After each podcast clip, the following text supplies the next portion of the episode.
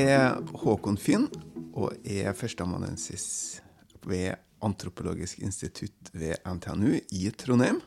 Mitt navn er Jens Rørvik. Eh, når vi spiller inn det her, så er jeg seniorforsker ved NTNU samfunnsforskning og har en 20 eh, på Sosialantropologisk institutt. Og så tror jeg kanskje det er omvendt når eh, episoden spilles. Det får vi håpe.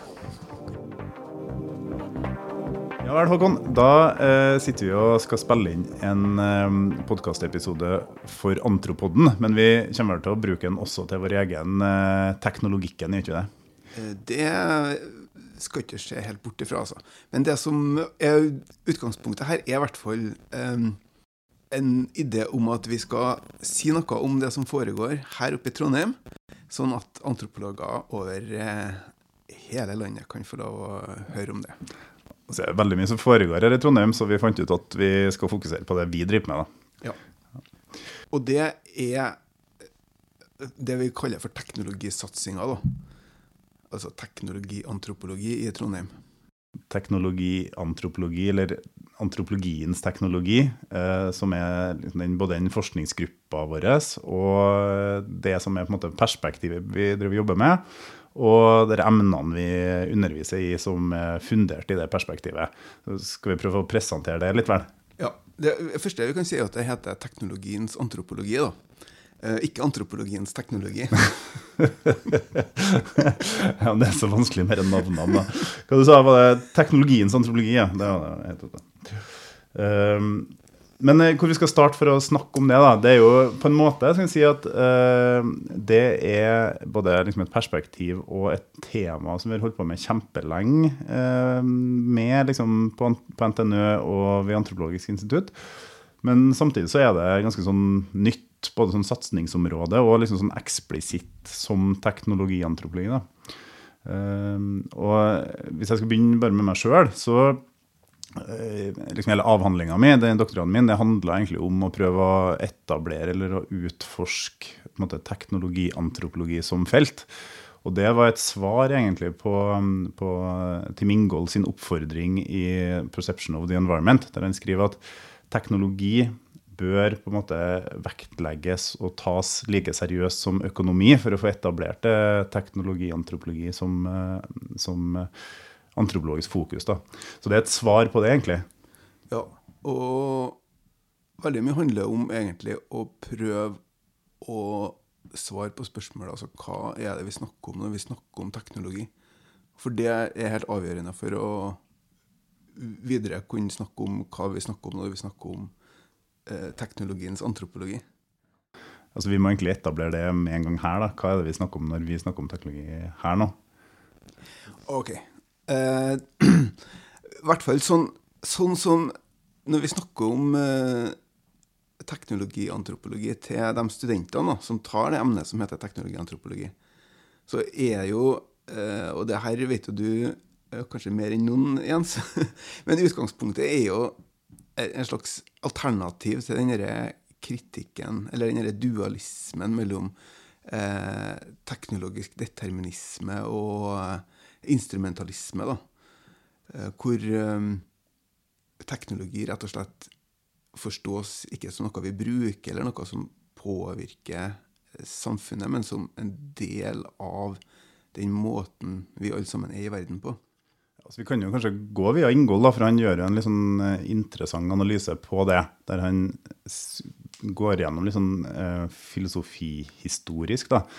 Og eh, snakker om måte, grunnspørsmålet i teknologifilosofi, som ofte er hva gjør eh, teknologi for noe? Og så setter han opp de to posisjonene, instrumentalisme og determinisme, som to motstående posisjoner. Eh, hvor instrumentalistiske svaret er Eh, teknologi gjør ingenting. Det er mennesket som gjør noe med teknologi. Så et redskap som, som gjør at vi får gjennomført vår vilje. Da. Mens uh, den deterministiske posisjonen er at teknologi gjør en hel del ting. Uh, eksempelet vil være internett, f.eks., som gjorde mye mer enn det mennesket intendert for internett å gjøre, eller smarttelefon, eller hva det skal være. Alt av Vi kan ta ståløksa som eksempel. At, um, ok, Det er instrument for menneskets vilje, men så skjer det veldig mye mer. da. Uh, men så sier han at i likhet med de aller fleste posisjonene som står liksom, diametralt motsatt til hverandre, så deler instrumentalistisk og deterministisk eh, en, en, felles grunnforståelse.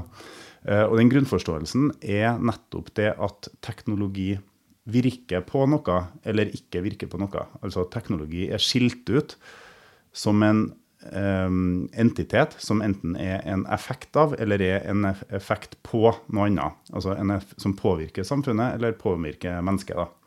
Og det skriver en, det er en uh, feilslutning, rett og slett. Ja, nettopp. Og, og med det utgangspunktet da, så blir det plutselig veldig interessant å studere eh, hva skal vi si, teknologitette eh, kontekster. Eh, og menneskelige måter, hva skal jeg si, eh, livsformer i, i teknologitette miljø. Da, får på en måte en annen Du får muligheten til, til å se et mønster som er litt mer grunnleggende og litt mer eh, som strekker seg utover litt, litt lengre tid. Eh, og som gjør at det, at det går an å, å tydelig liksom, løfte blikket ut av diskusjonene om enkeltteknologier. Ja. For det er jo det, er det som er si, både det mest interessante, men også liksom problematisk med det her teknologiperspektivet. Det er jo at det vi prøver å jobbe oss inn til, er noe som er litt annerledes enn den umiddelbare assosiasjonen folk har til ordet teknologi. Men for det er jo, altså Både vi og alle studenter, når man hører ordet teknologi, så er det noen sånn spesifikke assosiasjoner man får. Det mest sånn typiske det er sant, at teknologi, da får du en assosiasjon til en dings som har et eller annet sånn teknologiaktig ved seg. Da, eh, Jeg tror de aller fleste i dag hører ordet teknologi, ser for seg en mobiltelefon eller ser for seg en PC eller ser for seg et eller annet sånn idealtypisk teknologi. Uh, og så begynner man å tenke litt nei, men kanskje også en stein kan være det hvis et redskap, eller altså, et eller annet som gjør at et, uh, en, en, ting har noe teknologiaktig.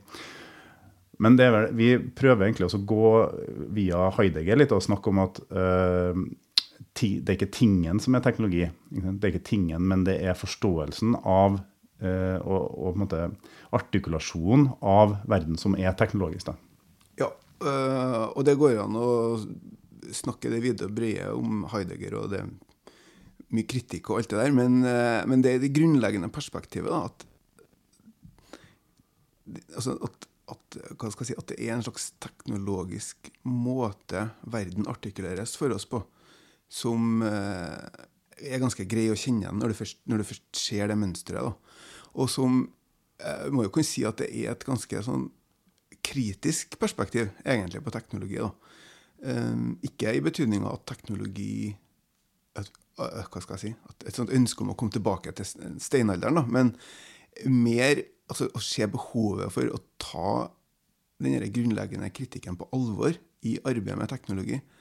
Og det er jo kanskje det som vi mest av alt har drevet med i Trondheim, da, gjennom ganske mye prosjekter hvor vi har jobba eh, veldig tett på teknologimiljøer og teknologiutviklingsmiljøer. Og, eh, og studert sånn typisk teknologitette situasjoner og kontekster.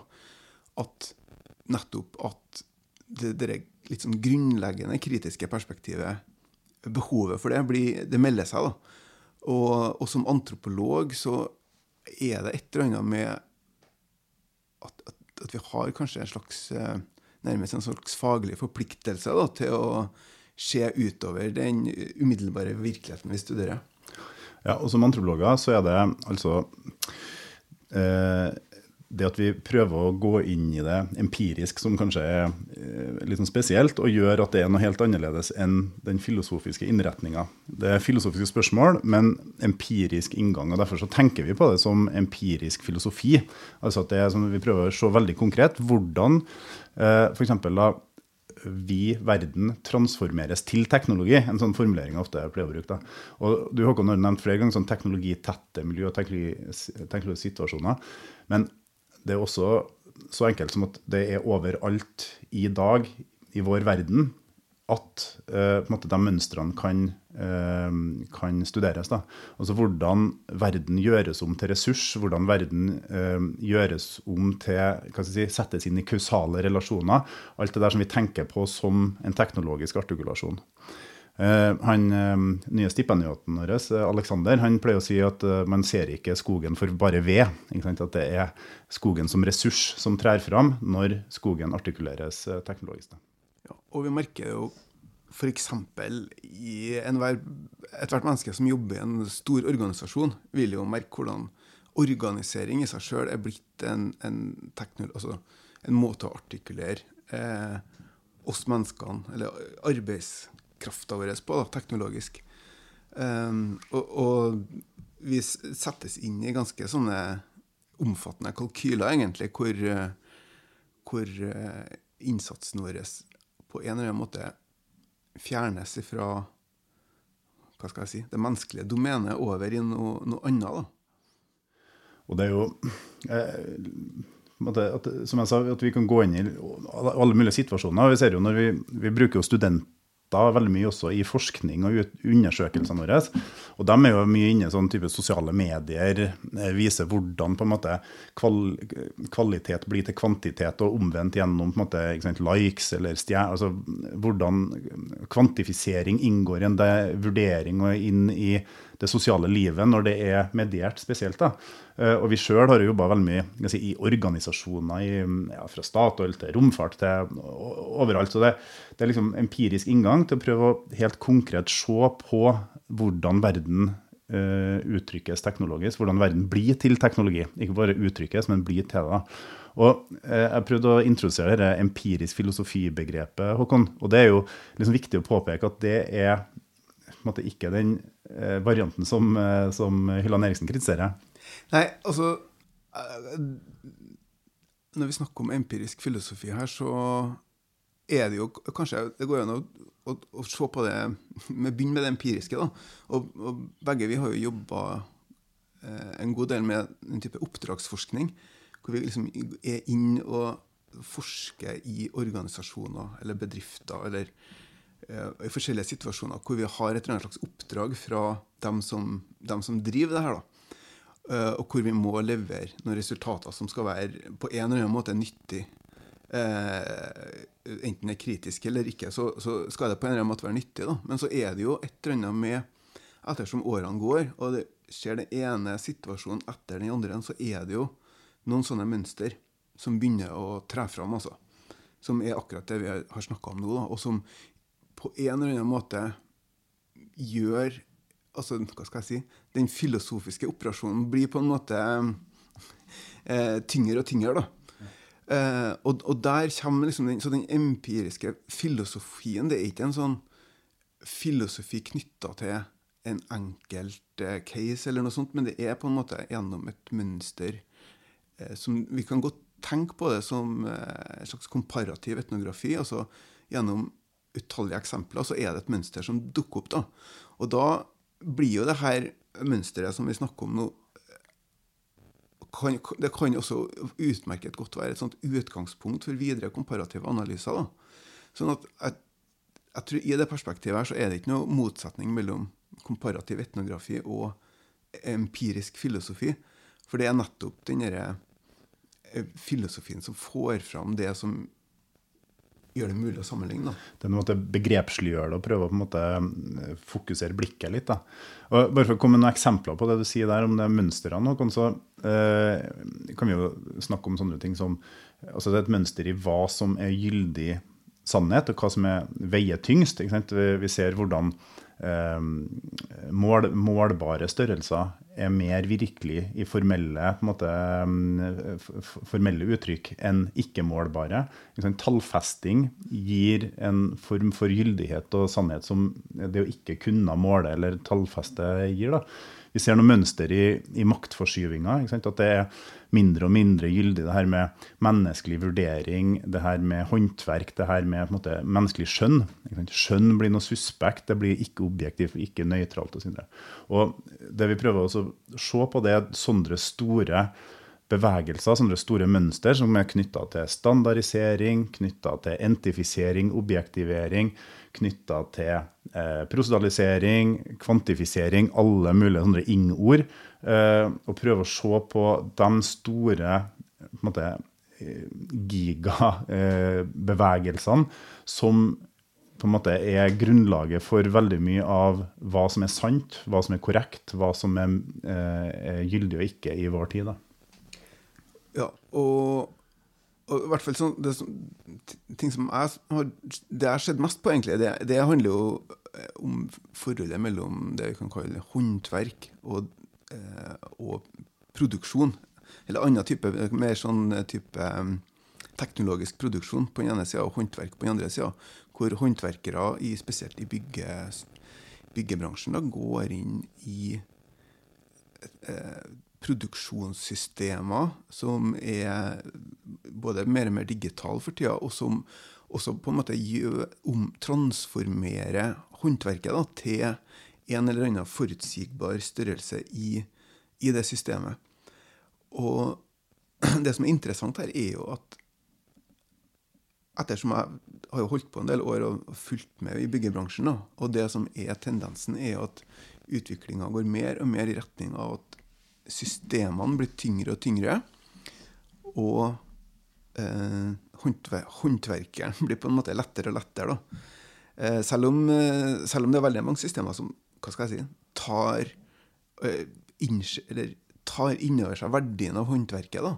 Men så gjøres det likevel på en eller annen måte kalkulerbart i de systemene som ved hjelp av, av eh, en del digital infrastruktur da, i større og større grad designes sånn at de skal være sjølgående. De skal, det her er jo det er, hva skal jeg si eh, Paradigmet her er jo lean construction, eller lean, lean production, som handler om å ta bort alt som er unødvendig. Og i veldig stor grad så er det menneskelig aktivitet som er unødvendig. da. Og det handler veldig grad, i veldig stor grad om å på en eller annen måte så Når jeg spør og graver om det her, så det, kommer det fram at, at, målet er jo egentlig en byggeplass uten mennesker. Et system for å bygge en, en, en hva som helst som egentlig ikke trenger mennesker. Så det, så det vi er vitne til, er jo en prosess hvor folk jobber hardt og jobber overtid og jobber i helgen for å klare å få det systemet opp og gå, da, som egentlig skal gjøre folk overflødig. Det der kjenner jeg igjen eh, i mange steder. Altså, eh, når jeg skal skryte og prøve å gjøre meg sjøl interessant, så forteller jeg om eh, når jeg har vært operatør for NASA altså på, på romstasjonen. Og der er det jo alt av sånn eh, erobring av rommet eh, er jo robotene som skal gjøre. Menneskene skal kanskje få være med hvis vi har nok penger eller er eh, si, nyttig nok, da. men det, det, er maskinene som skal gjøre det. Men eh, når det gjelder også, altså, Vi har nå liksom våre prosjekt og, og eh, ting vi har forska på i, i, mange mange år. Energi, miljø, automatisering, maskiner og sånn. Men det var veldig tidlig i denne satsinga at eh, det er ikke vi på en måte som ekspertene og de som er best til å identifisere liksom, det som skjer her og nå. altså. Studentene har på en måte eh, helt klart vært dem som har liksom pusha det her eh, si, fagfeltet empirisk i stor grad. Da. Ja, og det er ikke noe tvil om at for hver, hvert år da, med en ny generasjon studenter, så er det noen nye Er de kjent med noen nye interessante apper eller hva det skal være, som vi ikke visste om på forhånd. Da. Og fenomen, altså de oppdager fenomen som vi eh, ikke oppdager før flere år etterpå, når det begynner å bli snakk om det i, i media eller aviser eller sånne type Incel f.eks. Ja. var introdusert til oss gjennom det. Uh, ja, apper, altså alt av, alt av sånn liksom, nyere fenomen. Det er noe som introduseres til oss uh, via studentene. Og det som er viktig for oss i hvert fall i denne sammenhengen, er å klare å gjøre undervisninga sånn at vi legger opp til at studentene faktisk skal få lov å utforske den framvoksende verden. Eh, sånn at undervisning i stor grad blir veiledning i utforskning. Da. Ja. Eh, sånn at det blir på en måte en litt sånn annen type pedagogikk her, som ser ut til å fungere ganske bra. Så Vi prøver på en måte å få studentene til å bli med i en forskningsprosess i undervisninga. Si sånn, at er undervisning og forskning eh, henger veldig tett sammen. Eh, og det er på en måte å, å la studentene være litt sånn hva skal jeg si, sjøldrevne sjøldreven i sin forskning og utvikling. da, og så prøve å på en måte, I stedet, sted for den der transaksjonsrelasjonen som øh, i større og større grad trær frem på universitetet i dag, så prøver jeg å måte, stå litt imot da, og, og, og, prøve å lage et miljø som forsker og finner ut av ting sammen. Ja, det handler om å å lage et miljø, som du sier. Altså. Og, og, mye av jobben, i hvert fall sånn som jeg erfarer det, handler om å få, om ikke alle studentene, så i hvert fall så mange som mulig, ut av en sånn veldig, veldig målretta, instrumentalistisk holdning til eh, det å studere antropologi. Da. At eh, de gjør det for å få eksamen og for å få jobb. Men eh, på en eller annen måte prøve å heller skape en situasjon hvor de kan få lov å bli oppslukt i det som foregår akkurat nå. Um, og, og, og, det tror jeg en av, en av, måtene det går an å gjøre det her på, er jo, som vi jo egentlig har prøvd, det er jo det med å virkelig ta dem på alvor. da. Og så altså, vise fram at de faktisk har noe å bidra med. Hvis, bare, hvis de bare øh, klarer å gå fram på en, en sånn passe rett måte. da.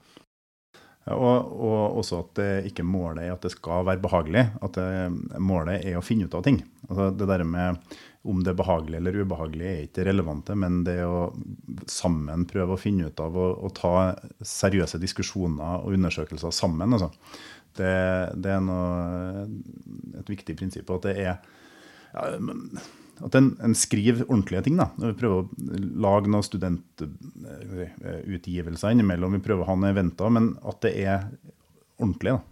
Ja, og at eh, seminarene og så langt det lar seg gjøre, også forelesningene, har en slags, at, at, det er en dialog som foregår. da. At eh, det er ikke sånn at studentene kommer til oss for å få høre hva vi har å si, men de kommer til oss for å snakke om ting, og for at vi skal skape noe sammen. Så det er altså en slags altså det, det å ta den dialogen, altså virkelig det å møtes i en, i en, dialog og ta det på alvor, det er noe som Det er ikke så lett, men det tror jeg er superviktig nå for tida, altså hvor det er en sånn tendens til at, at hva skal jeg si, den faglige identiteten eller den faglige kulturen litt sånn, står litt i fare. altså. Og jo, Du snakker om den instrumentelle holdninga til studentene. Men sånn som jeg ser det, så er jo det en instrumentell holdning som kommer fra universitetet. Altså. altså den, den, logikken den kommer ikke fra hver enkelt student, den kommer fra hvordan eh, undervisning er formulert som at man skal trans, altså en transaksjon av så og så mange timer med så og så mange kunnskaper. Altså, altså Den instrumentelle holdninga er skrevet inn i universitetet som system. Akkurat. Og nå er vi jo rett tilbake i eh, at universitetet blir jo en teknologisk artikulasjon. At eh, det å drive undervisning blir eh, Altså vi forholder oss teknisk til det heller enn eh, menneskelig. Og menneskelig. Akkurat. Og der kunnskap er en størrelse som, som, er en del av en transaksjon. Altså det er ikke noe som man er i. På samme måte som den teknologiforståelsen som Ingold kritiserer, så er kunnskap også en en størrelse som er skilt ifra mennesket, og er noe som kan gis i mer eller mindre posisjoner og tas imot i mer eller mindre posisjoner. Og at det er foreleseren har krav på seg til å gi så og så mange timer av livet sitt eh, med så og så mye informasjon i.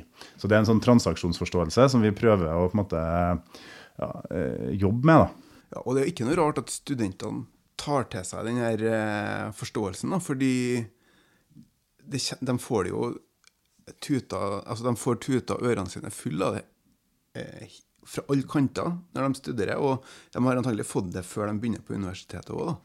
Sånn at det er på en måte Det å lage et alternativ, da, det,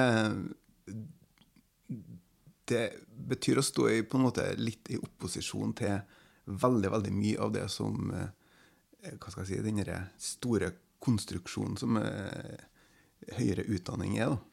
Ja, absolutt. Og, og, men det er en litt sånn gladsak i det. synes jeg at Hvert år så er det så lett å finne studenter og finne på en måte et miljø som eh, på en måte slipper de instrumentelle målsetningene og går inn i substansielle og går inn som, som eh, faglig orienterte mennesker.